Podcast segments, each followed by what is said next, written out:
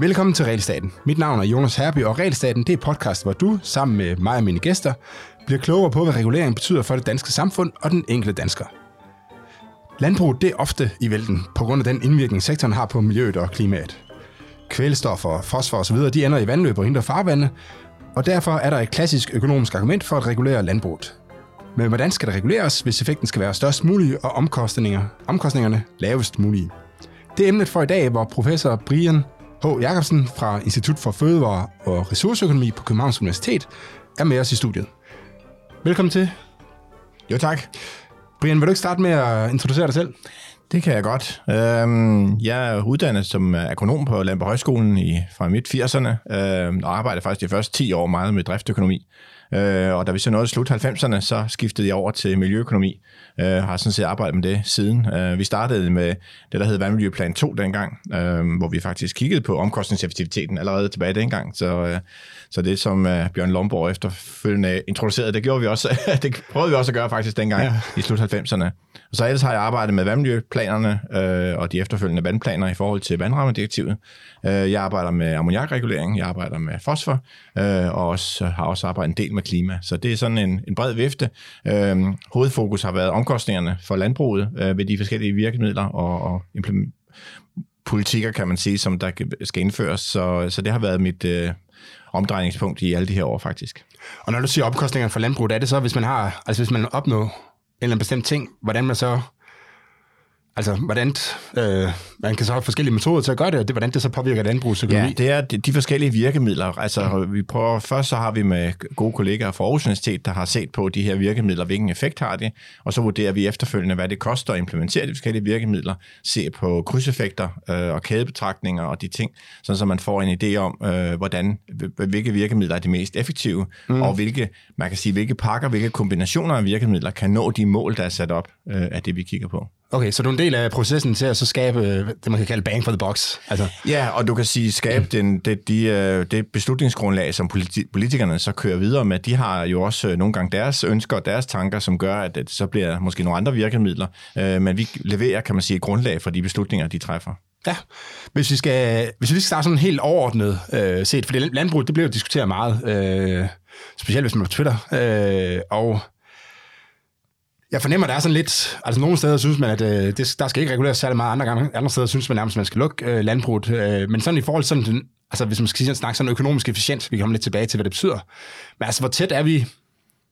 Hvor, altså, hvor, hvor ligger vi henne med reguleringen i dag? Er den, er den for stram, eller er den for blød, eller er det en, øh, er det en blandet landhandel, eller, eller hvor vil du sige, vi sådan... Ja, det er jo en meget, meget øh, svær problemstilling. Man kan sige, at øh, over tid, der har den danske tilgang har været en relativt meget øh, top-down øh, regulering øh, hvor vi har indført nationale reguleringer. Det var meget øh, de gamle vandmiljøplaner 2 og 3, og øh, så tilgangen var meget national, øh, som gjorde, at der faktisk skete noget, i modsætning til, til en del andre lande. Der skete faktisk noget, men det var meget uniformt, kan man sige, på tværs af landet.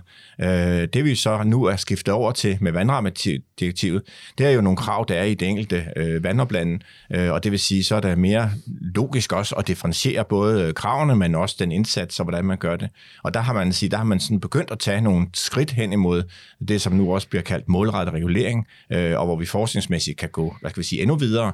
Øh, så man kan sige, på den måde er reguleringen på vej hen imod, der er noget, der, der er mere øh, efficiens i den forstand, men, men den efficiens øh, kommer også nogle gange med en pris omkring sikkerhed og andre ting, så det er ikke nogen, det er ikke nogen let, øh, hvad skal vi sige, opgave mm. at løse.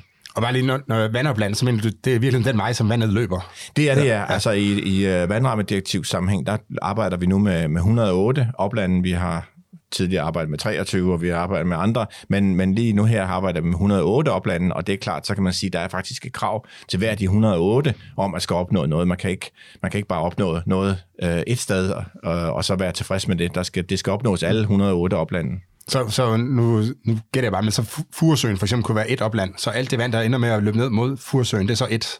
Ja, Om- nu, om- nu, jeg skal ikke lige uh, udtale mig om Furesøen og et opland, men, men man kan sige, der er forskellige, uh, der er forskellige opsøg. Vi, vi kan også for eksempel sige Øresund, der er hele uh, kysten uh, nord for København, uh, er også et opland, uh, okay, hvor der okay. for eksempel ikke er meget landbrug, men så er der altså meget andet bebyggelse jo og så videre.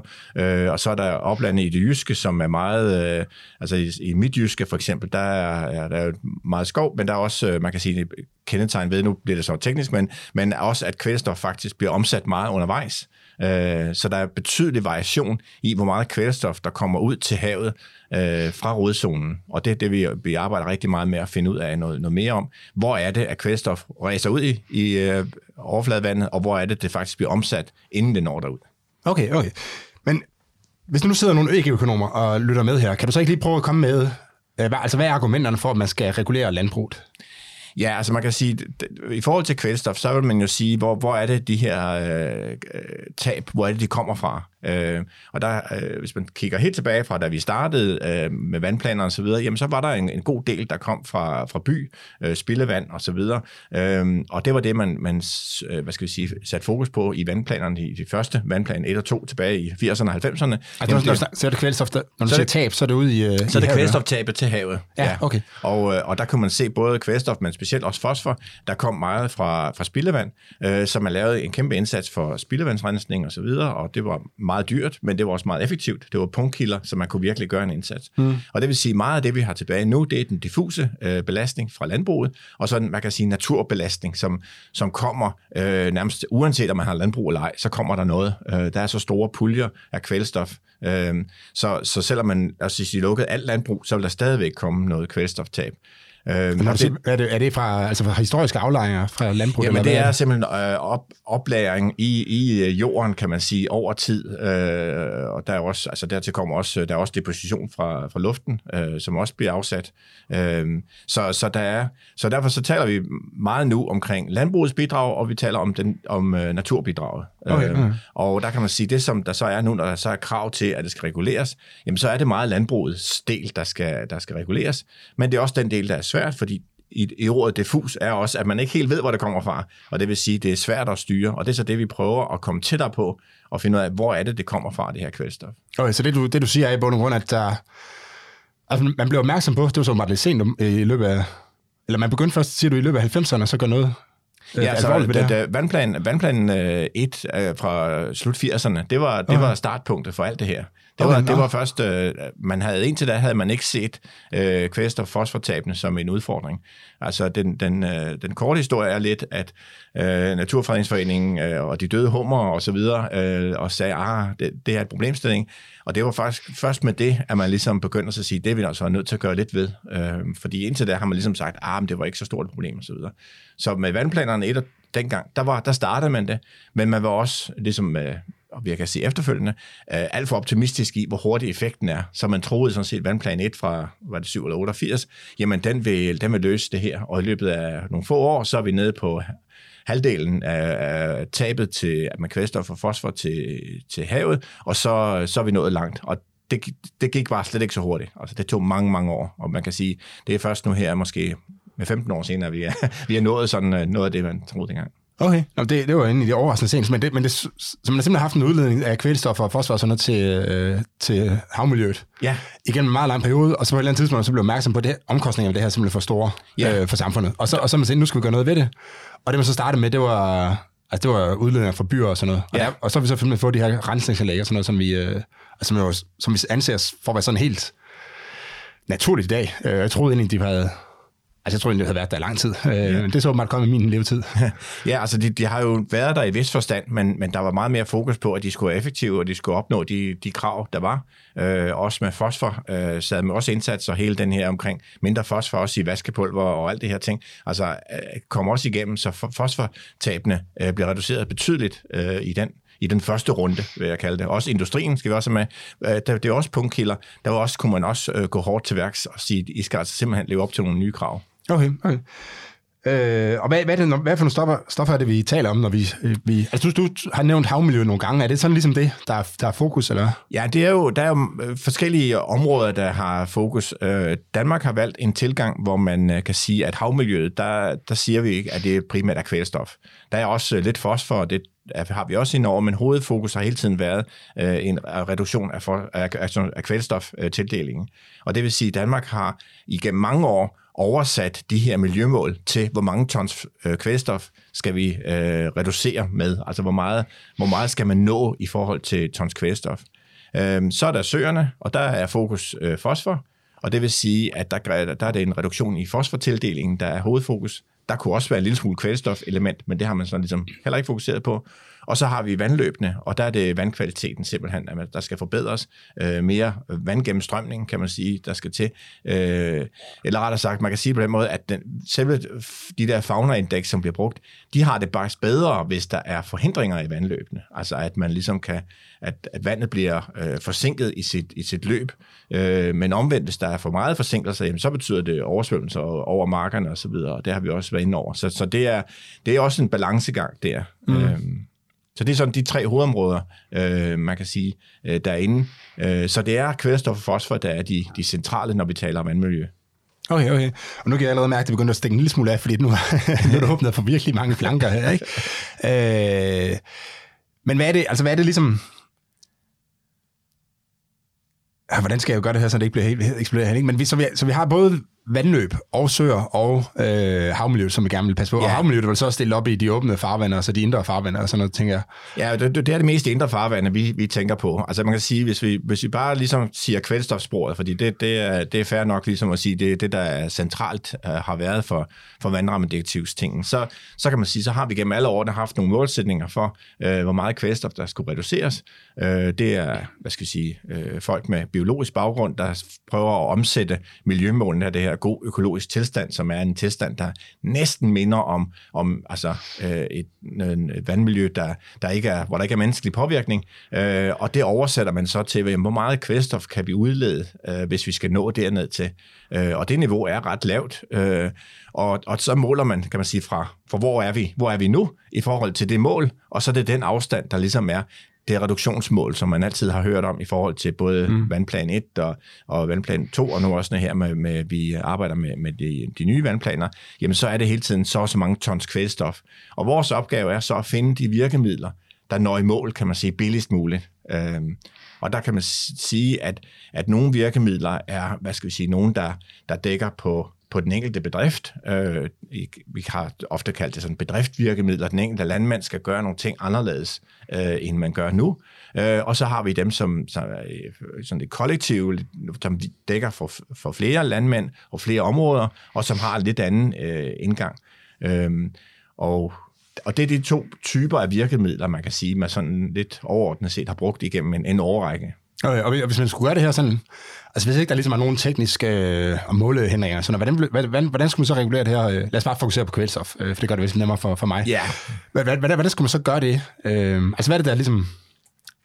Jo, hvordan vil man så regulere det sådan helt... Øh, så ja, altså, økonomisk, bare fuldstændig økonomisk teoretisk. Ja, altså helt, helt uh, hvad skal jeg sige, teoretisk, så vil vi jo uh, gå ind og sige, at så skal der være en udledningsafgift i virkeligheden. Man skulle måle, hvor meget kvælstof, der bliver tabt for, på hver enkelt mark i virkeligheden, og så sige, jamen du taber så også mange øh, kilo kvælstof, øh, så får du en afgift øh, på øh, den del, der bliver, du, du taber. Øh, problemet er bare, at opgørelsen af det er vildt kompliceret, øh, og det er der ikke, sådan set ikke mulighed for. Øh, så, så det man har, har valgt at gøre, i hvert fald specielt i starten, det var at sige, at vi kan ikke måle på, på udledningen, så vi er nødt til at, at styre tildelingen. Ja, okay. så, så, så det man gjorde, det var med gødningsnormerne, øh, styrede man tildelingen. Øh, efterfølgende har der været en reduktion af normerne, det er også ligesom for at styre tildelingen. Øh, så har man stillet krav til udnyttelsen af husdyrgødningen, og det er igen for ligesom at sige, vi ved, hvor mange dyr du har. Hvis du har så, så meget kvælstof, så skal du udnytte så og så meget. Du kan ikke, du kan ikke uh, slippe om ved det og bare købe mere handelsgødning, for eksempel øh, fordi vi har gødningsregnskaber, så vi, vi kan styre det. Der, Danmark er en af de få lande i verden, der, om, om nogen, der har et gødningsregnskab, så vi kan faktisk styre, hvor meget folk må købe af handelsgødning. Øhm, og den styring har betydet, at vi rent har haft et dramatisk fald i, øh, i forbruget af handelsgødning. Vi er nok en af de lande, der har haft det største fald, så vi, har, vi bruger kun altså halvdelen af den handelsgødning i dag, som, som vi gjorde for år tilbage. Og, og er det, fordi den blev erstattet af husdyrgødning? Det er, så? fordi vi er erstattet, og, og en, en god udnyttelse af den husdyrgødning. Okay. Øh, så så man, man har skiftet metoder og tilgange og så videre, øh, så man udnytter det. Så det er jo ikke fordi, at der ikke bliver altså, produceret korn øh, og så videre, men man, man opnår den øh, gode udnyttelse. Øh, Og når du, når du siger bedre udnyttelse, er det så, altså jeg kan huske, at jeg, jeg boede, jeg var vokset op ude på landet der, og så kørte sådan en gyldespred ud, sådan en Ja. åben vogn, som bare sprøjtede det der ud til, ja. Altså ud på marken, ikke? jo, Øhm, og i dag, der er det jo lidt mere, der har man de her, øh, så vidt jeg forstået, så, sam, så samler man i virkeligheden safterne sammen, ikke? Og så kommer det ind nogle tanker, og så bliver det ligesom nærmest øh, helt, eller altså sådan, Ja. med slanger øh, direkte ned i jorden, sådan at det ikke, øh, det ligger ikke ovenpå, og det, Nej. det er mere koncentreret, sådan noget, så man kan Altså- dosere det mere. Det der er problemet, det var, at, at det var helt ret øh, i den gamle udspredningsteknik, der var det, der var det bare op i luften, øh, og så hurtigt ud, og så øh, have noget. Og der er, der taler vi om en effekt måske på 30 procent eller sådan noget af det kvælstof. Øh, og nu i dag, bare for at Og, sammenligne... og det betyder 70 procent, så ender i vandløbet, Ja, eller? det, ja, eller i, uh, som ammoniakfordampning. Fordampning. der, Ja, er okay, også, yes, øh, yes. der er også uh, kvælstoftab uh, til luften. Uh, og til sammenligning, der kan man sige, der er vi op nu og kræve 80 procent udnyttelse.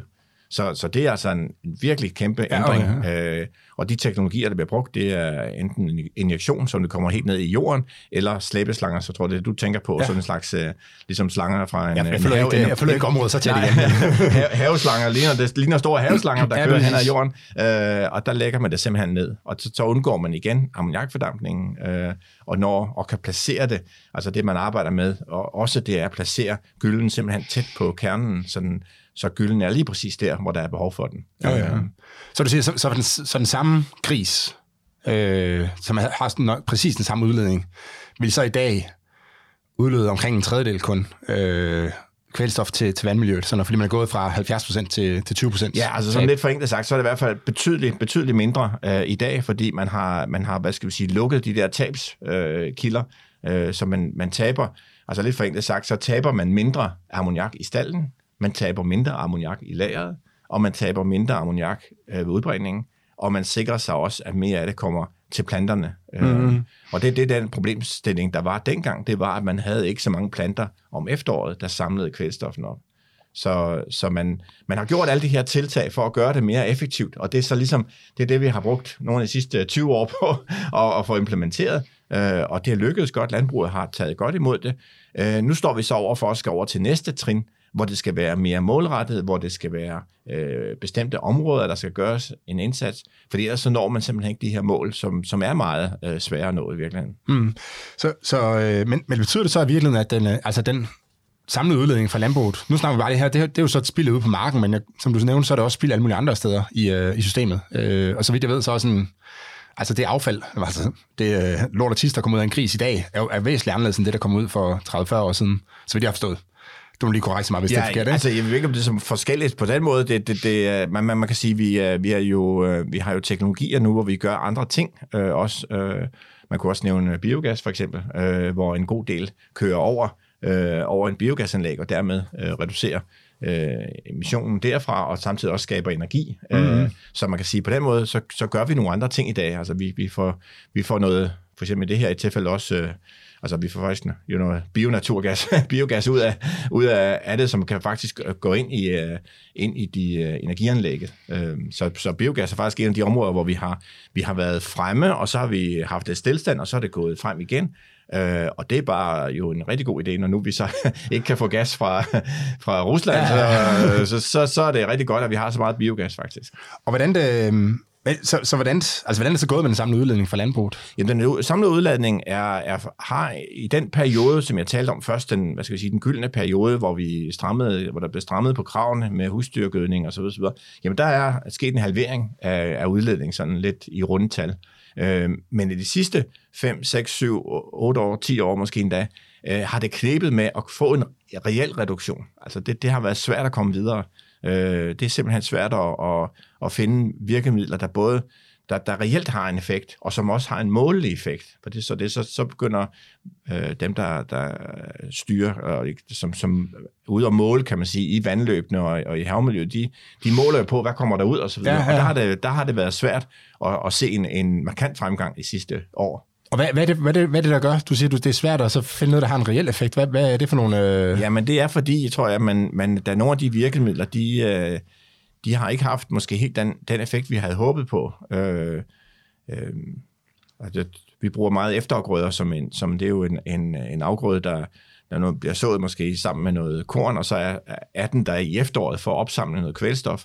Øh, og det har, det tror vi på har en god effekt og så videre, men, men, øh, men det er bare, det har været svært at se øh, det store fald i, øh, i kvælstoftabet de senere år, og, og i enkelte år har der jo været en frygt for, at, at, øh, at udledningen også har været svagt stigende. Øh, så, så man kan sige, at den der afstand ned til målet øh, er en udfordring, og når man så samtidig øh, med de nye øh, målemetoder og så videre, øh, faktisk måske er ude og sige, at, at det målet bliver endnu sværere, altså bliver endnu lavere, Øh, der skal vi også passe på, eller øh, med de her klima, nu ryger vi lidt smule over i klima også, men klimaelementerne kan betyde, at de krav, der bliver stillet til vandmiljøene, er endnu skarpere, end de har været tidligere. Okay. Og det vil sige, at, at øh, det bliver sådan lidt, man, man går et skridt måske må hen mod noget, men, men målet forsvinder med to skridt. Altså det, det, er, det bliver, kan godt blive svært at nå målene. Altså det er jo, det, det er jo sådan, nogle gange har man lidt på fornemmelsen, at det kan være sådan en klassisk politisk manøvre, hvis det er svært at så altså skabe noget reelt, så ender man bare på målet i stedet for. Ja. Fordi så ser det ud, som om man gør et eller andet sådan rent politisk, men i virkeligheden, så står man, så står man stille, fordi man, ikke, ja, fordi man måske ikke rigtig ved, hvad man skal gøre.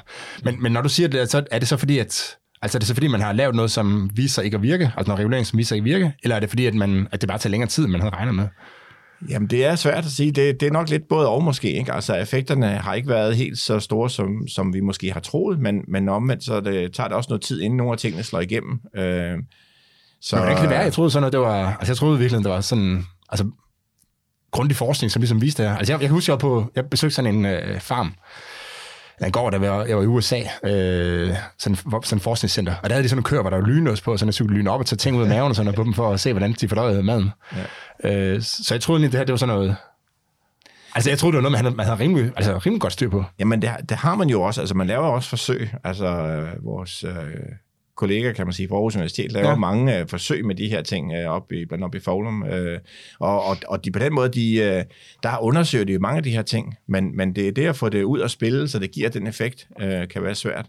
Uh, man kan sige, nogle af de nye virkemidler, hvis vi tager de der, uh, som jeg sådan kalder sig, nu hedder de kollektive virkemidler, det er sådan noget som vådområder, det er, det er i den, den nye også minivådområder, og er jo forsøg på at lave sådan små, små søer i virkeligheden, hvor kvælstoffen kan, kan dampe af. Uh, og dem, dem håber vi øh, også en del på kan give noget effekt. Øh, men igen, så tager det noget tid, inden at, at den effekt kommer, kan, kan ses, kan man mm. sige, sådan, i de opgørelser her. Altså no, nogle gange, når man laver regulering, øh, så kan det så enten kan det skyldes, lad os, lad os, lad os, jeg, jeg ved, der er et eksempel fra Kalifornien, hvor nogle, øh, altså ingeniøren, de sagde, at hvis vi nu laver krav om at isolere husene, øh, så kan vi spare en masse energi. Og, øh, og når man så, dem så målt på det efterfølgende, så har man så ikke spare noget energi i, øh, til opvarmning af hus. Øh, fordi at det, der egentlig reelt set var sket, det var, at folk havde... Eller nej, der, i, i bund og grund kan det så skyldes to ting. Ikke? Det kan skyldes, at, at isoleringen ikke virker, øh, som, man havde, som man havde troet, eller det kan skyldes, at der sker nogle andre ting, som ingeniørerne ikke havde tænkt over. Øh, ja. Og i det her tilfælde, der isolering virker jo, øh, men det, der simpelthen var sket, var, at folk havde skruet op for varmen i deres hus. Ikke? For ja, ja. Nu, nu var det ikke så dyrt at varme op længere, så nu skruer op for varmen. Så er det, så, er det samme ting, som man kan forestille sig, der sker her i, øh, altså i landbruget, at der er nogle adfærdseffekter, som man ikke måske ikke kender til, eller, eller er det mere, eller er vi mere over i den tekniske løsning måske, virker anderledes, end man sådan havde forestillet sig. Har du noget, du ved noget om? Nej, altså jeg, jeg synes jo, mange af de tekniske løsninger sådan set øh, gør, hvad de skal. Øh, og, og man kan sige, at øh, i forhold til de ting, som, som er den diffuse ting, så er det altså også lidt det her med, at, at, at det er nogle gange svært at se øh, nogle af de natureffekter komme ud som lavere kvælstof fra, fra de arealer. Øh, der er nogle puljer, der er store, øh, som, som gør, at der kan være noget forsinkelse. Der er, mm. der er øh, en andre faktorer, som, som også kan gå ind og gøre det. Så, så ja, så jeg synes, øh, fordi man kan sige, selve reguleringsdelen har vi lykkes med at, at, at, at, at Danmark at, at lave relativt effektivt på den måde, at vi har de her gødningsregnskaber som omdrejningspunkt, og vi har nu har vi nogle krav til nogle for eksempel med efterafgrøder, hvor alle enten skal opfylde dem via nogle efterafgrøder, som man kan måle og se er der, eller også er det via, at man gør noget andet, og så, så har man ligesom gjort mm. det her. Så, der er, så jeg vil sige, at folk gør det, der skal gøres, og vi har, øh, det der er reguleringen så lavet, øh, som, som faktisk også fungerer okay, med at folk har en, en frivillig runde, øh, som man kan byde ind, øh, fordi i forhold til det her med at gøre det omkostningseffektivt, så kan man sige, at nogen kan jo gøre det en tand billigere end andre, og det vil sige, at de har faktisk muligheder for i, den, i de her ordninger at byde ind med lidt mere, end der direkte er krav for dem. og så kan naboen slippe med at gøre en lille smule mindre end mm. der direkte. Og det har fungeret rigtig godt. Øhm, og så øh, gælder det for, et, et, for hver enkelt af de her oplande, at hvis de så ikke når i mål som et opland, jamen så kan andre, øh, så, så hvis staten kommer ind som, som sådan ligesom med en, med en pisk og sige, I nåede ikke målet, I er altså nødt til at gøre noget mere. Men man opnår den effekt, at, at dem, der har lidt lavere omkostninger, kan byde ind med mere, og dem, der har de høje omkostninger, kan byde ind med lidt mindre, mm. øh, og så på den måde gør det lidt mere omkostningseffektivt. Og det, og det når du... Øh, ja, det, det kan du lige komme tilbage til, for det, når du siger det med, at der er puljer, øh, hvis vi lige skal runde den helt af, så, så det er det altså er det rigtigt forstået, at den måde, man kunne opfatte det på, det var at sige, hvis du har en, øh, et badekar, hvor du fylder vand i den, i den ene ende, og der kommer vand ud i den anden ende, og så du siger, nu, skru, nu, nu skruer jeg ned for vandet, øh, så vil det jo have en effekt på et eller andet tidspunkt, men det går lang tid, inden du ligesom kan måle det ned i afløbet, fordi der bliver ved med at strømme vand ud, indtil ja. badekarret er. Ja, altså hvis man er over i, når vi taler om diffuse udledning, så kan man sige, så er det noget med en, med en langsom effekt, øh, som vi ikke altid har, har måske helt styr på, og, og hvor lang tid vil gå, og mm. proces og så videre. Øh, så, så noget af det øh, er der. Øh, så der kan være nogle af de ting, vi har gjort i dag, som, øh, altså, som, som vi vil kunne se om 10 år, for eksempel, øh, måske? Ja, altså det, det håber vi jo, men det, mm. det er jo bare spare, fordi nu, nu er der jo gået nogle år trods alt, og, øh, og det er sådan, at, at den, de kvælstof øh, påvirkninger, der er via dræn, øh, de, de er ret hurtigt ude i vandmiljøet. Så der kan man sige, hvis man ligesom havde gjort en hel masse godt der, så ville man ret hurtigt kunne se det ude i vandmiljøet. Mm. Hvorimod nogle af de andre, som skal gennem øh, et længere forløb, jamen, der vil det tage længere tid, inden at, at uh, man kan se effekten. Ja, okay. Øhm, så lad os vende tilbage til det her med, for du, du sagde, at hvis man, altså, at den optimale måde at regulere det her på, det vil egentlig være at have sådan en afgift på kvælstofudledning. Øh, og den afgift vil så afhænge af, hvor, hvor skadeligt kvælstof var i det område. Så hvis du lukkede øh, kvælstof ud i det område, som var meget, øh, hvad hedder sådan noget, følsomt over for, for ændring af kvælstofniveauet, jamen så ville det have så skulle afgiften der være større, end hvis du lukkede ja, ud i et sted, hvor, ja. altså, hvor, det var lige, altså, hvor det var mindre følsomt. Så hvis du havde en, en mark, der lå lige ud til Vesterhavet, så var det måske mindre øh, problematisk, end hvis du havde en mark, der lå lige ud til Maja Fjord, for eksempel. Ja. Øhm, men det var så sådan noget, der gør det svært, fordi så, hvordan... Altså, det, det, det, det ville så gøre, at du skulle have forskellige priser afhængig af, hvor, øh, hvor markerne lå hen, og hvor, hvor der svand løb hen og sådan noget. Ja. Øh, så kan ja. du prøve så uddybe det lidt, hvad er det, hvad er det så? Altså, du nævnte, at man var gået fra sådan national øh, ja, du nationale på... regler til, til, de mere, til de her 108 øh, vådområder. Så kan du prøve ligesom at uddybe, hvad er det, altså hvordan er det så, man gør reguleringen forskellig? Ja, altså det man kan sige, vi havde tilbage i tiden, det var det en national ting. Så det vil sige, at når der var øget krav til husdyrgødning, jamen så var det helt landet. Øh, sådan var det. Og normerne, sådan og sådan, så var det helt landet. Øh, Øh, det der nu er, det er, at der sådan set vil være et indsatskrav for hver af de her 108 oplande. Øh, og det vil sige, at det, hver af dem skal nå et eller andet givet mål. Øh, nogle oplande er i mål, altså det er sådan en, en lille tredjedel af oplandene, de er faktisk øh, stort set i mål med det og har en, en, en okay øh, vandkvalitet. Øh, men så er der andre, der, der sådan er ikke så langt væk, men der skal gøres lidt mere agtigt. Øh, og så er der en, nogen, hvor der er virkelig langt, øh, hvor det er svært. Øh, og det er både, altså ja, der er mange naturmæssige forhold, der også gør, at det er svært. Og det vil sige, at hvis man siger, at det skulle være afgiftsbaseret, jamen så vil man nok overveje at lægge afgifterne forskelligt, fordi at, øh, altså, hvis man kun skal ændre det en lille smule, så kan en lille afgift måske være god nok. Mm. og så skal en hel masse, så, så skal der en stor afgift til, for at folk øh, regulerer. Øh, fordi noget af det, som vi kan se på analyserne, det er, at de steder, hvor der skal nås meget, jamen der taler vi om meget udtagning af landbrugsarealer for at komme i mål. Øh, så, så, så det er nogle, nogle hårde og dyre virkemidler, der skal, der skal anvendes for at, mm. at nå det i de sidste tilfælde. Så det, så det betyder i bund og grund, at nogle af de steder, hvor du har meget sårbar natur, hvis man kalder det, det ved ikke, om det er rigtige måde at betragte på, men hvis, i de områder, hvor man har sårbar natur, så så den løsning, man faktisk er nødt til at bruge for at beskytte naturen, det er også at, tage, at sige, at så kan vi ikke dyrke øh, på, på en del, i, i en del af det område her. Ja, altså det, det er sådan set det, vores øh, modeller lidt siger, at, at hvis vi skal nå øh, nogle ting, og det, nu ser du sårbar natur, men det kan også bare være et vandmiljø, for eksempel, der øh, har altså meget lav vandudskiftning for eksempel, og som simpelthen ikke kan tåle næsten, at der kommer, der kan næsten ikke tåle, mm-hmm. at der kommer mhm. vand ind, der har kvælstof og fosfor i sig, øh, så, så når udskiftningen er så langsomt, jamen så, så skal det, så der skal gøres nogle meget hårde tiltag, men også over lang tid. Mm-hmm. Øh, så øh, ja, og, hvad, og hvad, så, hvordan fungerer det egentlig for de landmænd? Fordi man, man kan sige, som landmand er det jo lidt tilfældigt, eller det kan det i hvert fald være, hvis ikke man har tænkt over det her, øh, hvor man så er endt med at købe sin jord. Øh, hvordan, hvordan er de så Ja, hvordan, hvordan øh, håndterer man det i praksis? Det? Ja. ja. Er det bare altså, det, sur? Nej, ja, sur det, ja. altså man kan sige, at nogle, nogle landmænd vil være i en situation, hvor når de så skal til at lave deres markplaner, så kan de se, jamen der er et krav og, om efterafgrøder i et vist niveau. Øhm, og det er så det niveau har været forholdsvis det samme på de forskellige bedrifter øh, indtil nu, men det bliver så endnu mere differentieret. Og, og der vil være nogen, der så kan se, jamen de marker, jeg har over mod, lad os bare forenkle sige, sige mod øst, der skal ske en hel masse. Der skal jeg have super meget efterafgrøder, hvis det var helt rigtigt. Øh, fordi indsatskravet derovre er meget højt. Men de marker, jeg har mod vest, jamen der, skal ikke, øh, der er ikke særlig meget krav osv. Øh, men der har man så mulighed for på bedriften at flytte dem øh, mellem, mellem de her oplande. Så der er faktisk øh, en god del bedrifter, der måske har, har marker i to oplande. Øhm, og de bliver så, og det bliver det sådan lidt mere kompliceret, men de bliver faktisk lidt, øh, hvad skal vi sige, værdisat lidt forskelligt. Så til den her landmand, der ligesom byder ind med en hel masse, over hvad der skal gøres en hel masse, det vil man hellere have, end hvis han byder ind med, at han gør det over i et område, mm. hvor der ikke skal mm. gøres noget.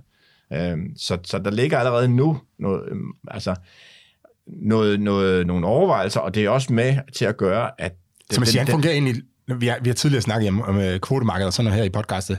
Men så, så den bedrift fungerer lidt ligesom et kvotemarked. At han flytter derhen, hvor det giver mest Ja, altså du kan sige, at han har mulighed for Fordi, at gøre det, øh, og gøre det billigt, ja. for, for, for ham, og har også, hvad han kan byde ind med. Øh, det er sådan, mm. nu får man et tilskud på 500 kroner øh, per hektar på efterafgrøderne, og, og der kan man sige, at, at der vil man så prøve at planlægge det forskellige steder, men hvis der er for mange, der byder ind, så kan Landbrugsstyrelsen, de kan så sige, at vi vil hellere have, at efterafgrøden er herover, hvor der er behov for den, end at du har lagt efterafgrøden herover, hvor der faktisk ikke er behov for den. Mm. Øhm, så det, hvad skal vi sige, det er sådan en slags mini-udveksling af det, og, og også det, som jeg nævnte før med, at bedrifterne kan byde ind med enten mere, end der er behov for, eller mindre, end der er behov for for deres bedrift. Øhm, det er klart, næste skridt i det, det er at lave en direkte børs, øh, hvor der så vil være 108 øh, hvad skal jeg sige, børser i virkeligheden, hvor man så kunne handle på den måde. Mm. Og det vil være endnu mere afkostningseffektivt, men det er heller ikke uden øh, udfordringer at lave en børs af den type, og sætte op og køre osv. Ja, det er klart, det er klart. Det, øh, det kan være svært for en enkelt landmand, så, ej, han skal så ikke over 108 markeder. Ja. Øh, Ja, det kunne, ja, ja, men, han men også overveje 1 til 3 eller sådan noget måske, ikke? Ja, ja. Men administrativt er det også øh, en del for, for, for eksempel Landbrugsstyrelsen eller andre at sætte op og, og mm. køre. Ja. Men hvor langt er man fra det? Øhm, Ja, altså vi har jo foreslået det i noget af det, vi har skrevet tidligere, men, men jeg tror nok, man er ret langt væk fra det, fordi det er man ikke uh, administrativt så, så interesseret i det. Det er en, en uh, svær opgave for dem. Ja, okay. okay. Så der er ikke, det, er ikke, det er ikke noget, som ligger lige Nej, det, det er sådan, man oplever ikke. Og den, og den anden måde at gøre det på, det er at lave en nationalmarked, hvor man så bruger en, en hvad kan man sige, ligesom sådan en valuta-ting, så man siger, at hvis, hvis du kommer med, lad os sige, du kommer fra et opland med, uden indsatsbehov og kommer og byder ind med en hel masse efterafgrøder, jamen så har den kun værdien, måske en, lad os sige en tiendel værdi, ja, ja. Hvorimod, hvis jeg kommer fra et opland, hvor der er sindssygt meget behov for det, og jeg byder ind med noget, jamen så har den måske altså dobbelt op eller tredobbelt værdi. Mm-hmm. Øh, så, så, så, så, der skal man, så skulle man sådan ligesom omsætte dem, øh, og så bliver det også en lidt kompliceret børs, men, men det kunne man også tænke i baner af. Så, så, det, så det, du tænker der, det er, at så skal, man, altså, så skal man sidde og sætte priserne fra centralhold? Eller hvad? Uh, nej, jeg vil, nej, nej, jeg vil gerne have, at, uh, jeg vil gerne have, at, uh, at, at priserne er markedsat faktisk i virkeligheden. Uh, man kan sige, det, det er jo lidt det, der sker nu, når folk får et tilskud på 500 kroner, og så byder det ind med mere, end de gerne vil. Så er det jo, fordi de ligesom tænker, ah, det koster mig 300 kroner, og jeg får 500 kroner, så vil jeg godt byde ja, ja. Med, med mere. Uh, og andre tænker, det koster mig 800 kroner, jeg byder ikke ind med noget, fordi det er for dyrt for mig. Øhm, så jeg vil gerne have, at det var sådan en markedsbaseret, som man kunne byde ind med. Det, det er også bare, at når du byder ind med dine eftergrøder for eksempel, jamen så vil de ikke, de vil ikke have særlig meget effekt, øh, hvorimod jeg byder ind med mine eftergrøder, øh, så vil det have meget mere effekt. Fordi det, hvis du antager, at jeg ligger i et opland, hvor der virkelig er behov, ja, ja, ja. og du ligger i et opland, hvor der ikke er behov, så, så, så det, er ikke, det bliver ikke en til en, at vi kan byde ind med tingene. Du lytter til Realstaten indtil nu har vi snakket om input. Altså det, det der at det, hvis det øh, er i hvert fald med flemmelse. Jeg ved ikke, om det skifter på et tidspunkt, men vi snakker om det, det man i virkeligheden regulerer, det er, øh, det er inputtet. Ja, altså, altså, man det, gør ved marken. Nu ja, sige, jo, men efterafgrøde er selvfølgelig på en eller anden måde at, så, at tage input ud igen, men, øh, ja, men, altså, det, det er, men det er ikke det, der ligesom bliver udskyllet for marken. Ja. Nej, altså det vi er på vej over i, det er at, at, at køre reguleringen på tabet. Øh, men når ikke vi kan gøre det på tabet, så bruger vi sådan noget, der, der minder om det. Og, og, og man kan så sige, at det, der så sker lige nu, det er faktisk, at efterafgrøder er den valuta, der bliver brugt. Altså det er den, det er den øh, øh, tanken er, at en given efterafgrøde i et given opland, der ved vi, hvor meget effekt den har, og det er det, der skal til for at komme i mål. Øh, så du kan sige, det er sådan en proxy for, for udledningen, øh, en slags, i et givet opland. Og det er fordi, det er fordi en efterafgrøde placeret øh, igen på, på din mark, mm. vil have en effekt, men efterafgrøde måske placeret på min mark vil have en anden, øh, alt efter hvilken retention, altså hvor meget kvælstof, der bliver tabt undervejs fra rodzonen ud til vandmiljøet, vil være forskellig. Øh, så derfor så er det ikke en hektar efterafgrøde hos dig, og en hektar efterafgrøde hos mig, er ikke nødvendigvis det samme øh, værdi i forhold til vandmiljøet. På grund, af, på grund af den måde, som undergrunden og jorden ja, ser ud? Eller? Ja, ja, ja. Okay, og hvad, måske, måske nogen til ligesom lidt øh, uddybe lidt det her efterafgrøder. Hvad er det, de, øh, hvad er det, de gør, og hvorfor er det, det koster landmanden penge? Er det fordi, det er ting, han ikke kan bruge til noget, eller Ja, altså, det er dybest set øh, en afgrøde, du, øh, du sår øh, tidligt, øh, tidligere, altså inden høst, øh, og som så vokser i efteråret, øh, og som så er med til at gøre, at der er en afgrøde på marken i efteråret. Fordi ellers det, du har i efteråret, det er, at du har, at der kommer nedbør, og så har du noget kvælstof, og når ikke der er nogen afgrøder til at tage kvælstof, så ryger kvælstof direkte ned og ud i vandmiljøet. Mm. Øh, og det var nogle af de ting, der skete med de første vandplaner tilbage i 90'erne. Det var, at man ligesom kunne se, det her skal vi gøre noget ved. Vi kan ikke have, at markerne står uden, uden afgrøder i efteråret. Øh, så, så, så, ja, så, så det hjælper, og så på den måde er efterafgrøderne gode til at, at styre det, og, og folk har også øh, gode til at få det med i, i øh, planlægningen. Øhm, og ja, så på den måde så er det nu en valuta, man ligesom bruger øh, på de her... Og hvad, hvad, er det, hvad er det for noget? Hvad er det, hvad er det man så der? Jamen, det kan både være noget græs, og det kan være noget det der olie, redike, og de forskellige ting, man kan så. Øh, så der, der er og, der sådan, er, og der er så nogle landmænd, der kan gøre det billigt, og nogle, der... Nej, altså det, det, vil, det er faktisk noget, der... Altså, sådan lidt standardagtigt, så siger vi, at det koster i størrelsesorden 300, måske 350 kroner. Øh, ja, lidt okay. derhen af, og så for de fleste. Og det, det, det skal så, øh, nogle gange skal det slås øh, i efteråret, øh, men det, så skal det bare ligge, og så afventer man, at der bliver, der bliver pløjet, øh, hvis man pløjer, han har sagt. Øh, så, så, det ikke, så det har en vis omkostning, og det er så den omkostning, man kan sige, samfundet er inde og dække. Øh, mm. Men for nogen vil det her også betyde, at du er nødt til at have en vorafgrøde bagefter. Og det er så det, der også kan være problemet. Hvor er det forår? Det, det er, ja, så, det, så du er nødt til at have for eksempel en byg efter, øh, efterfølgende. Og der siger folk, det har jeg ikke lyst til. Jeg vil have vinterved, vinterved, vinterved. Så jeg har ikke så meget lyst til det her. Agtigt. Og, øhm, og, og, så hvis man ligesom skal skifte over til nogle ting, så har det nogle gange nogle omkostninger. Så det, det vil sige, det er, at hvis du skal ændre dit sadskifte, for at få plads til efterafgrøderne, så kan det godt være en Og hvorfor, hvorfor er det, man skal det? Jamen det skal du, fordi du så skal have vorbyggen bagefter. Du kan ikke... Du, Jamen, hvorfor du, skal man? Altså hvad er det? Er det et eller andet i... Nej, nej, det er, det er, for ellers har du ikke plads til efterafgrøderne. Altså, du, hvis du ligesom, hvis du, hvis du så har, hvis du har vinterafgrøden, øhm, så, så har du, kan du ikke opfylde den her, de her krav omkring øh, efterafgrøder. Øh, så, så enten så skal du ligesom sige, ja, okay, jamen, så, ja, så håber du på, at naboen gør det i stedet for, eller også så skifter jeg fra at have den her ved til at have vorbyg, fordi så får jeg plads til, til efterafgrøder. Det er sådan lidt kompliceret. Ja, det, det, det tror jeg og, der, og, det, og, der, og der vil jeg så sige, at efterafgrøde planlægning er endnu mere kompliceret, fordi der så består forskellige typer efterafgrøder, og nogle er, er obligatoriske og så videre. Så det er, det er og, og det, der er vi over i lidt i det hjørne her, som også er en, en problemstilling, det er, hvor kompleks kan reguleringen være? Fordi mm. den, den, den er i Danmark relativt kompleks med de krav, der er. Så det her med at lave en sædskifteplan på den enkelte bedrift, det er ikke nogen let opgave. Altså at få alle de her brækker til at falde øh, plads er ikke, er ikke nogen let opgave. Så man skal helst ikke, altså, skal helst ikke gøre det yderligere kompliceret. Nej, og det er vel, det er vel også noget, er det, nogen, er det sådan nogle type omkostninger, I også regner med? Øh, at altså, det bliver sværere, så Altså, hvis du har et eller andet puslespil, som, som siger, hvis jeg begynder at flytte en brik, så skal jeg ændre på det hele. Det gør det jo, vil jeg tænke, at det gør det sværere for landmanden at så sige, at hey, jeg kunne faktisk godt lige have noget andet på den mark her, som, øh, som måske være endnu bedre, fordi så, fordi så skal han til at ændre på hele øh, systemet, og så, øh, og så kan omkostningen ved ligesom at ændre på den ene mark være, altså være så stor, at han tænker, det kan ikke, det kan ikke betale sig. Ja, altså det, det er noget, der er svært at regne ind. Det er meget individuelt, mm. men, men det er nogle ting, vi ligesom, hvad skal vi sige, gør, gør politikere også opmærksom på, at det er jo en, en svær ting at få, og nødvendigvis få det hele op at, at køre. Så den der, du spurgte tidligere omkring efficiens, kan man sige, at det kan godt så være sådan, at for hver skridt, du går hen mod den der efficiens, der bliver det også et skridt mere kompliceret administrativt. Ja, ja. Øh, og, og, og, og der kan man så sige, det kan også på et tidspunkt blive så svært, så det er virkelig altså næsten umuligt. Ikke? Ja. Øh, så ja. Ja, så, så, øh, ja, så der er også noget, der afhænger af, hvordan, altså, hvad stien er hen til det.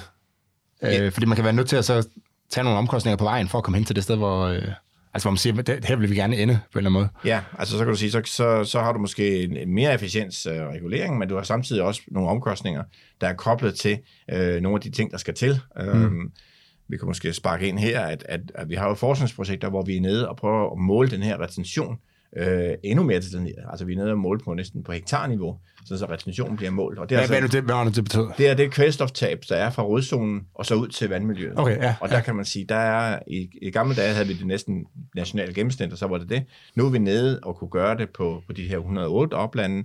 Øh, de nyeste kort, de laver det på 3.000 øh, oplande øh, i det, der hedder ID15-kort.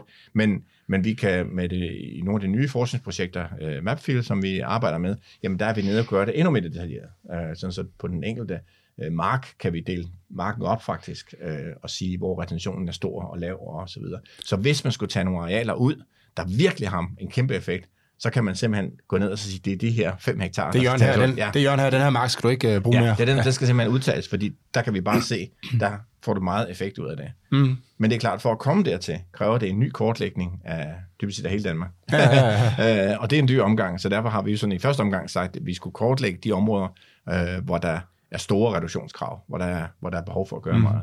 Altså, jeg havde Rasmus Ejernes, øh, jeg ved ikke, om du kender Ja, ham, jo. øh, i- inde i en podcast på et tidspunkt. Han ville jo nok elske sådan noget der, ikke? Altså, hvis der var sådan nogle små øh, lommer rundt omkring, hvor, altså, hvor den der vilde natur kunne, øh, kunne få lov til at, at stå uberørt Ja, hen, men det, det er jo lige præcis meget af det, der er, er fokus i området. Og, og nu det er jo det, om vi kan finde nogle af de områder, hvor det rent kvælstofmæssigt giver en kæmpe effekt, mm. og hvor man skal så samtidig kunne få noget natureffekt. Og kunne man så måske alternativt, eller også få noget, noget, noget på klimafronten, øh, nogle lavbundsarealer, noget, altså der kunne godt være nogle, nogle synergier der, Ja, så nogle af de arealer til gode ser to ønsker på en gang, øh, Ja. i hvert fald. Ikke? Og det, det er jo noget af det, vi, vi arbejder Og hvor med. man virkelig skal tage som, ikke skal tage som store arealer ud, øh, fordi man får man fokus- fokuserer på dem, der har, hvor de, største problemer er. Ja, nemlig. nemlig. Så, Okay. så det er meget det, vi fokuserer på nu, det er at finde de arealer, så, så at, at, øh, at det har en stor effekt, det der bliver taget ud, og dermed bliver omkostningseffektivt dem på den måde.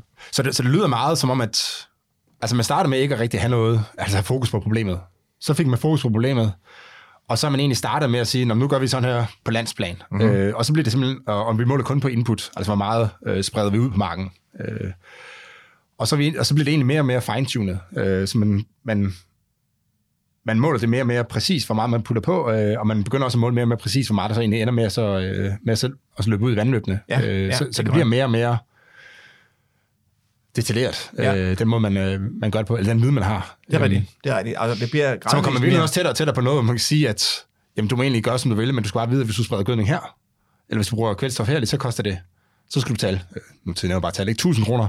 Hvis du spreder eller kvælstof herover, så skal du kun betale 50 kroner. Ja. Og så kan landmanden egentlig sige på den, på den enkelte mark, sige, at jamen, så spreder jeg min, øh, min kvælstof her. Det, det, det kunne man godt forestille sig om 50 år, at, øh, at så er det egentlig sådan, man, man gør det. Ja, det, det er rigtigt. Og, og, men det, der så er selvfølgelig også udfordringen i det, det er, at det kræver også nogle data, der er stærke nok til at være valide, kan man sige. Fordi mm. hvis, hvis, øh, hvis alle bliver reguleret på samme måde, så, ja, så, så, så, så er det sådan, det er. Men, men lad os sige, at du bliver hårdt reguleret, og jeg bliver let reguleret. Så bliver du sådan lidt, jamen hov, hvorfor, hvorfor lige mig? Er I sikre på de data, I har? Så, det, så der bliver stillet nogle krav til, at de data er, er valide og sikre osv. Mm. Øh, og der kan man nogle gange også sige, at, at, at når det er så få observationer, så bliver det jo nogle gange sværere at sikre sig, at det er korrekt. Øhm, og og, og der, der er så lige en balancegang. Det er, hvornår, hvornår bliver den regulering øh, baseret på et, et, et, et, grundlag, der er godt nok. Og, og der vil jeg sige, det er, jo, det er jo det, vi så arbejder med at sige, det skal være godt nok, fordi folk skal jo føle sig sikre. Men, men der skal også, vi er også nødt til at prøve at komme videre. Øh, vi kan ikke måle i, lad os sige, 10 år på, på din mark for eksempel, inden at vi regulerer noget. Vi er nødt til at måske at, at regulere lidt tidligere. Ja, der er, der er ligesom et, øh, en afvejning mellem, hvor præcis det skal være, og hvor, hvor effektivt det skal være i bund og Ja, grund, ikke? jo, jo. Øh, og sådan er det jo også en masse andre steder i, i samfundet, ikke? At man, kan godt være, at du kan... Nu skal hvad skal man lige finde på her? Øh, lad os bare, lad os bare tage trafikken, ikke? Øh, at der er det jo samme øh, krav til bilerne, uanset hvor du kører hen. Men hvis, du, hvis nu du kun kører ud på landet, så behøver du måske ikke have samme krav til, til filtrene og sådan noget, så de ikke laver så meget, øh, hvad er det nu der, øh, NOx. Øh, er, det jo, er det kvælstoffer? Det er også kvælstof, ja. Ja, ja. Nå, men der er nogle af dem, der, oh, anyway, der er noget af det, der, der er giftigt, øh, som man ja. Ja. regulerer på grund af bymiljøet. Altså på grund af man, udledningerne i byen, ikke? Ja. Ja. Men hvor ude på landet gør det ikke noget. Nej, men det er rigtigt. Men hvor det sagt, til, sådan er deres veje ens for alle, øh, ja. selvom, selvom vores kørselsmønster er meget forskelligt. Ikke? Men det er rigtigt. Partikelfilter diskussionen for eksempel. Det, det øh, Præcis, er meget præcis. en- Ja, ja. ja, Øh, og det vil sige, det er måske lidt urimeligt, men det skal også på en eller anden måde være operationelt. Øh, og sådan, sådan er det nogle gange. Øh, jeg kan godt tænke mig lige at slutte af med at snakke lidt om fremtiden. Øh, og, og sådan, det, nu har vi snakket lidt om, at, hvad man sådan rent regulatorisk kan gøre øh, fremtidsmæssigt, men også sådan rent politisk. Altså, hvor bevæger vi, bevæger vi os hen, hen af? Du sagde det her med, at der kunne være sådan en diskrepans mellem, hvad man, hvilken målsætning man har, og, hvad det, og, hvad, og hvor nemt det egentlig er at nå de, øh, de målsætninger. Ja, altså det, det vi kan se, det er jo, at, at man øh, nogle gange for at nå målene, som jeg nu siger med, med afstand mellem det kvælstoftab for eksempel, der er nu, og så det vi gerne vil nå, jamen så sætter man jo nogle planer. Øh, og det vi kan se, det er tit så politisk, så siger man, jamen så skal der bare nås. Øh, vi skal nå så også meget med, nu for eksempel her sidste gang med minivådområder, der skulle vi nå så også mange øh, tons, øh, og det krævede øh, over 1000 øh, minivådområder. Øh, og vi andre, som, som sådan arbejder for feltet, tænker sådan lidt, at det er jo et nyt virkemiddel. Det er svært at gå fra, fra fire øh, demonstrationseksempler til, til 1000 i løbet af, af relativt kort tid. Øh, det er nok ikke et, et sandsynligt, at man når det mål. Øh, øh og men det bliver alligevel vedtaget, og det har vi sådan, det er jo sådan lidt, vi har jo sagt til, at det kan blive svært at nå, ja. ikke? og det, ja, vi er optimistiske og så videre. Øhm, og så kan vi så se nu her, en 3-4 år senere, jamen, det bliver meget svært, fordi der er så nogle administrative udfordringer øh, med at få det implementeret. Der er nogle opgørelsesmæssige, der, er nogle, der skal nogle krav til markernes størrelse, øh, der er noget sideeffekter i forhold til fosfor, øh, kommunernes sagsbehandling har også været langsom.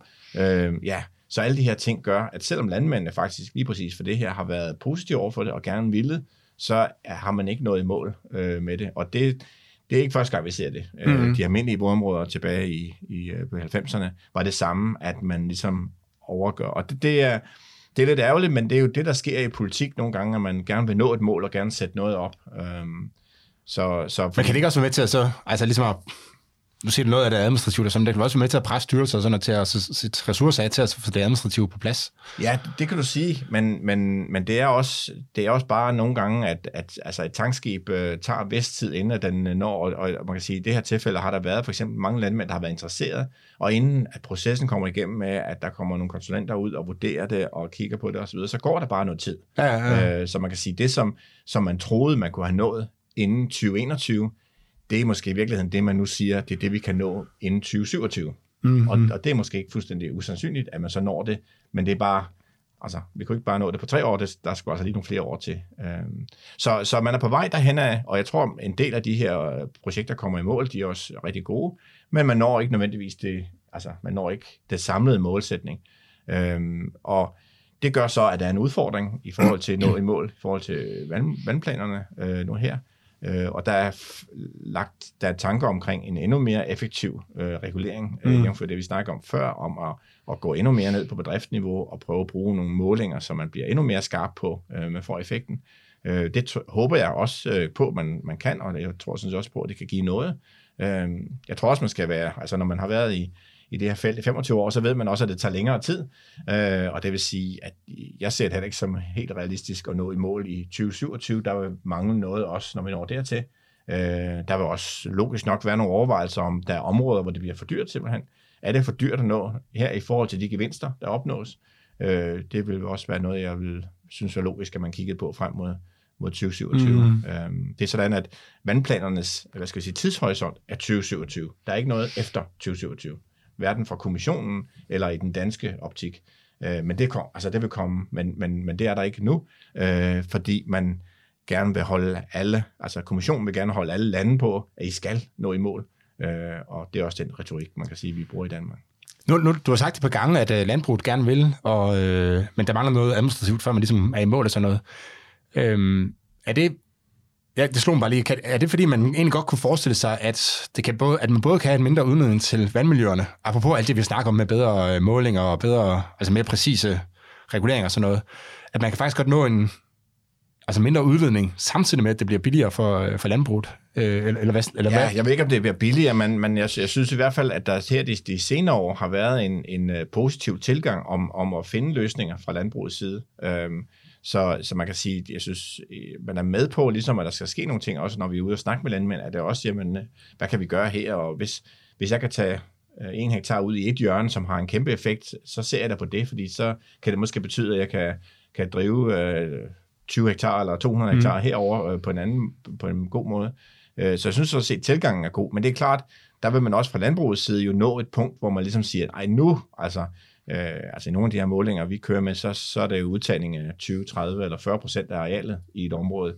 Øh, og det er klart, så er det jo sådan ligesom at sige, så altså, har, lukker i landbruget, eller hvor, hvor vi er henne. Ikke? Så det, det er jo klart, der er en eller anden smertegrænse på, hvor meget kan man øh, kan gøre, hvor mod de første 4, 5, 6, 7 procent måske godt kunne udtages og have en god effekt, både i forhold til natur mm. og klima og så videre. Ikke? Ja, og, men, øh, men, altså, det kan vel godt blive nødvendigt i nogle områder. At man siger, at jamen, jamen det, det er måske rigtigt, at vi lukker landbruget her, men det er fordi, at Altså det er simpelthen fordi, det, her er det bare så svært at gøre noget, øh, hvis vi gerne vil bevare det her øh, vandmiljø, så, så her må vi ligesom acceptere, at, at de konflikter kan det vel godt komme. Ja, ja, men altså de konflikter kan komme, og det, det er jo også det, vi godt kan se ud i horisonten, også i andre lande. Øh, nu for eksempel Holland har man lige introduceret nogle ny regulering, som, altså, som nogen siger i hvert fald kunne betyde, at, at de øh, skal ned med 40% færre køer og, og så videre. Øh, simpelthen fordi... Altså man ser, Ja, og det er simpelthen okay. fordi, at man øh, er inde og sige, jamen øh, vores natur ønsker er så kraftige, så vi er nødt til at gøre en kæmpe indsats. Mm. Øhm, der kan man sige, at noget af reguleringen, jo, hvis man kan lægge den på, med, med, noget, med noget tidshorisont indenover, øh, og noget, nogle, lad os sige, nogle opkøbsordninger, det har man også brugt i Holland, øh, jamen så er det måske vejen frem, fordi så kan landmanden godt se for sig, okay, jamen jeg kan ikke, jeg kan ikke øh, første trin vil være, jeg kan ikke udvide en bedrift her, men hvis jeg flytter herover, så kan jeg godt udvide. Øh, det næste trin vil være at sige, jamen okay, jeg kører de næste 10 år, men så er jeg sådan set også, så stopper jeg her, og så kommer den nye til et andet sted, hvor der, mm. er, hvor der er mulighed for det. Øhm, det er sådan, altså alt andet lige, så vil det være billigere at gøre det med lang tidshorisont, end at gøre det med en kort tidshorisont. Ja, både billigere, men også nemmere for, ja. altså for den enkelte også, ja, ja, det er præcis. at, at sluge på en eller anden måde. Så, ikke? Kan, ikke? Så, så kan du tilpasse dig og gøre nogle ting over tid. Ja, det er, det er lidt nemmere at så leve med, at øh, altså hvis man siger, at du må, I, I må ikke bo i det område her mere på grund af miljøet. Øh, altså, hvis det så om 50 år, så vil man nemmere kunne tilpasse sig, og så kunne det ændre, boformen ændre sig lidt, og sådan noget ikke på vejen. Øh, og det er jo lidt det samme, vi er inde på her, ikke? Jo, jo. Altså, man, man har nogle det giver mange flere tilpasningsmuligheder, ja. hvis det er på lang sigt. Ja. Øh, men, men der er vel også, altså der vil hele tiden være den her diskussion om, øh, altså hvem skal egentlig, hvem skal egentlig betale øh, for det her, ikke? Fordi man, Altså, der er det her, er det ikke rive-princippet, eller sådan noget, som siger, at det er forureneren, der betaler. Jo, men, altså, du kan sige... Men det der med, hvornår bliver noget forurening, øh, det, det ændrer sig jo lidt, hvad det er, man opfatter som forurening, som vi har været inde på, ikke? Jo, så, altså mange, mange af de reguleringer, vi arbejder med nu, er jo endt med at blive en, en statsbetaling, kan man sige. Altså ja. i starten havde vi, at det var landbruget, der betalte en, en, en måske halvdelen, op til halvdelen af det. Øh, men de her nyere, der vil det være øh, mere kompensationsbaseret øh, agtigt. Så, så, så du kan sige, at at alt lige så glider sådan noget ned jo lettere ned, hvis det er staten, der finansierer det. Ja, det er hvis klart. det er erhvervet. I hvert fald hos erhvervet, ja. Ja, ja. det, det, var det erhverv, ikke? Og andre vil sige, okay, hvis de får så meget, hvorfor skal, hvorfor skal det? Men altså, ja, Ja, man kan også godt som, uh, som borger landet kan også sige, hvorfor er det mig, der skal betale for det? Ja. Altså, det er jo dem, der forurener. Ja. Og nu siger vi, at dem, det, du altså ikke forurener. Hvorfor er det så, de skal, altså, vi skal betale for det? Ja. Så der er jo en, uh, en diskussion der, i hvert fald, ikke? Det er der om, hvad det er. Sådan, det, fordi man kan også sagtens forstå, forstå, hvis man er landmand og har købt et landbrug, så lige pludselig finder øh, samfundet ud af, at øh, det er faktisk et kæmpe stort problem med kvælstof. Ja. Og man har ikke haft nogen som helst jordisk chance for at vide, at det var et problem. Ja, selvfølgelig så også lidt uretfærdigt, hvis lige pludselig kommer og så siger, at du må ikke dyrke øh, din jord mere. Jamen, øh, så så der, er, der, er nogle, øh, der er nogle diskussioner der i, øh, i fremtiden. Ja, det er rigtigt. Brian, er der noget, vi mangler at runde af? Nej, jeg synes, øh, vi har øh, været igennem øh, en god del. Altså, det, det, der er nogle, du spurgte til være sådan derude i horisonten, ikke? Jamen, der er, nogle, der er nogle udfordringer med at implementere det her. Vi er godt mm. på vej. Det bliver mere effektivt, synes jeg, under, under, over tid. Øhm, øhm, men det er noget mål er ikke en, en let opgave, og det, det vil, ja, det vil vi også kunne se i de kommende år, tror jeg. Så ja. Ja, men, men, men udsigten er vel, at det hele tiden bliver altså bedre og bedre og bedre. Det bliver bedre, øhm. men, men det er også nogle ambitiøse mål. Der... Og når jeg siger bedre, så er det jo altså både, både øh, billigere og... Øh, ja, også mere og, effektivt, men også ja. bedre vandmiljø. Til ja, lige præcis, det har vi også alle sammen glæde af. Øh, men det er også bare, hvis, hvis målene hele tiden også bliver skærpet, så er det en, en, en udfordring at nå derhen. Ja, for, for landbruget. Ja. Tak for din tid, Brian. Det var, ja. det var rigtig spændende. Øh, og til jer, der sidder og lytter med, så øh, som altid kan I kontakte mig på herbysnabelagsebers.dk. Øhm, bare skriv med ris og ros og kommentarer. Og husk øh, at anmelde podcasten i, øh, i jeres app. Øh, I Spotify ved jeg, det er rigtig, rigtig let. Jeg har ikke selv øh, iPhone, så der ved jeg ikke, hvor let det er der. Øh, og endelig, husk også, at vi har vores øh, shop, hvor I kan købe merchandise, øh, regelstaten shop.dk. Tak for i dag.